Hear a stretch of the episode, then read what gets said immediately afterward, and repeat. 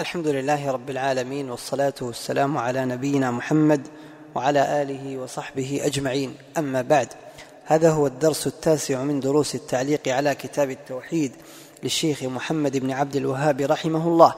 والكلام فيه على باب ما جاء على باب عقده المصنف قال باب لا يذبح لله بمكان يذبح فيه لغير الله.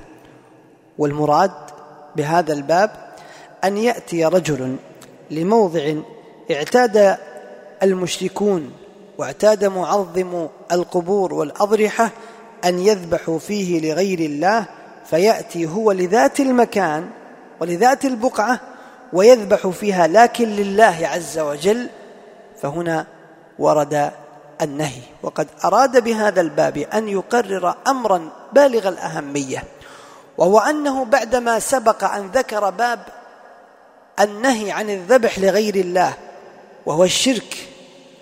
أراد هنا أن يذكر ما يكون وسيلة إلى الشرك وهو أن تذبح لله في مكان يذبح فيه لغير الله.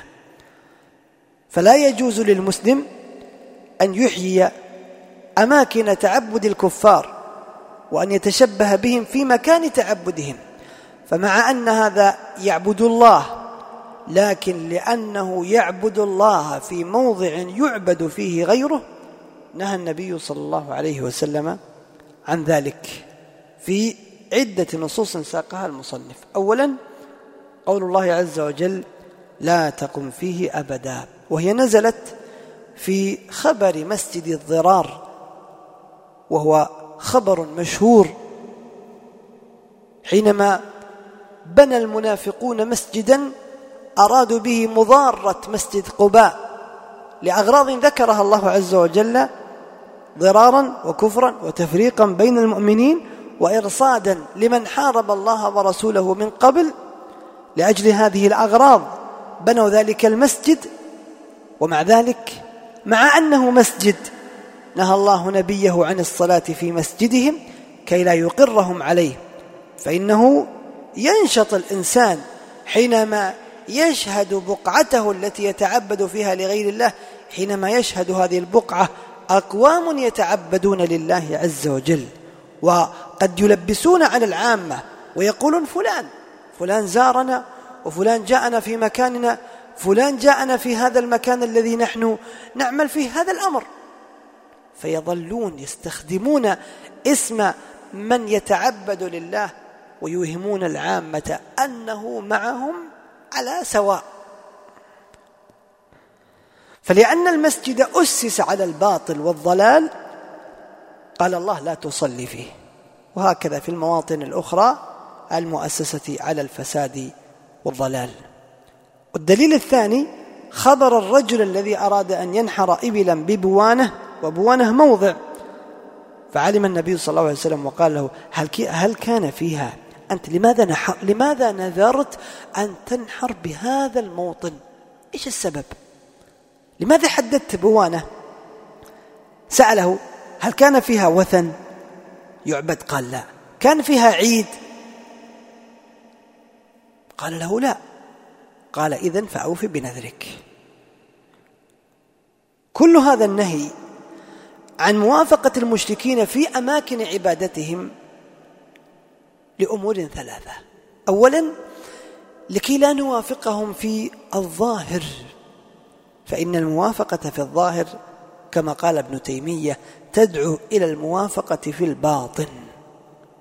ولأن من رآك وهو الثاني من رآك تتعبد في هذا المكان ظن أنك تفعل كفعلهم. فربما أساء بك الظن أو ربما كنت أنت معينا له على أن يسلك المسلك المحرم. ولأن هذا فيه تقوية لهؤلاء القوم على باطلهم وتثبيت لهم حينما يرون الناس يأتونهم إلى هذا المكان وهم يتعبدون لله عز وجل. ومن أمثلة ذلك في زماننا لو جاء رجل ودخل إلى ضريح وجلس عنده يدعو الله ويتصدق عنده أو يذبح عنده لكن ليس له ولا يتقرب له وإنما يتقرب إلى الله. وهكذا. فنقول له هل انتهت الأماكن إلا هذا المكان؟ ابحث عن مكان آخر واطلب موضعا آخر وتعبد فيه لله تصدق فيه واذبح فيه وصل فيه. أما أن تأتي إلى هذه البقعة التي يستخدمها أقوام يتقربون فيها لغير الله عز وجل؟ فلا. وهنا ينبه وهذا وهذا ما أراد به المصنف رحمه الله تعالى بهذا الباب حينما قال لا يذبح لله بمكان يذبح فيه لغير الله وهو ذكر الذبح ويدخل فيه غير الذبح أيضا. ويدخل فيه غير الذبح من بقية العبادات التي قد يتقرب فيها لغير الله فليس لك أن تأتي فيها وتتقرب فيها إلى الله. لكن لو أن موطن هذا موطن العبادة للكفار أو للمشركين أو لأقوام يعظمون الأضرحة والأولياء ويتقربون فيها إلى غير لغير الله لو أن هذا الموطن أزيل فيجوز أن يستخدمه المسلمون للتعبد بقيد ألا يكون في اعتبارهم وفي إتيانهم لهذا المكان فضيلة في هذه البقعة. يعني بقيد أن لا يأتوا إلى هذه البقعة باعتقادهم أن فيها فضيلة معينة. مثلا كنيسة خربت فبنوا في محلها مسجدا فلا بأس لأن حقيقة الكنيسة قد زالت وبقي محل العبادة لله سبحانه وتعالى وحده. الخلاصة أنه لا يجوز للمسلم أن يوافق المشركين في موطن تعبدهم الذي يتعبدون فيه لغير الله سبحانه وتعالى. فإن قال قائل وماذا تقولون في صلاة بعض الصحابة حينما صلوا بالكنيسة؟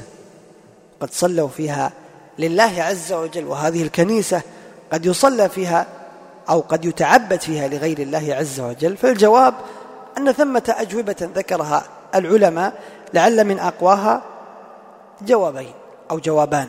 الجواب الأول أن الصلاة التي يصليها المسلمون تختلف عن صلاة أهل الكنيسة وعن تعبد أهل الكنيسة. فهنا الذي يصلي لله في الكنيسة هو ما شابه المشركين. فالعمل مختلف فهم لهم يعني صلاة مختلفة عن صلاة المسلمين بخلاف الذبح. هذا ذبح وهذا ذبح فالذي ينظر لا يدري هل أنت تذبح لله أو تذبح لهذا القبر. وهذا من أقوى الأجوبة. وثمة جواب آخر وهو أن يقال أن الكنيسة مكان لعبادة الله عز وجل.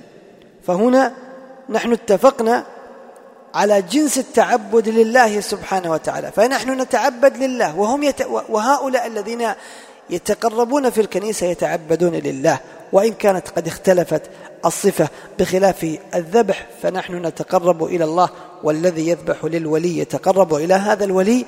على كل حال هذان جوابان ذكرهما أهل العلم آه، في حق صلاة بعض الصحابة في الكنيسة والخلاصة أنه لا يجوز للمسلم أن يوافق المشركين في مكان تعبدهم ولو كان يتعبد لله عز وجل أسأل الله أن يوفقنا وإياكم لكل خير وصلى الله وسلم على نبينا محمد.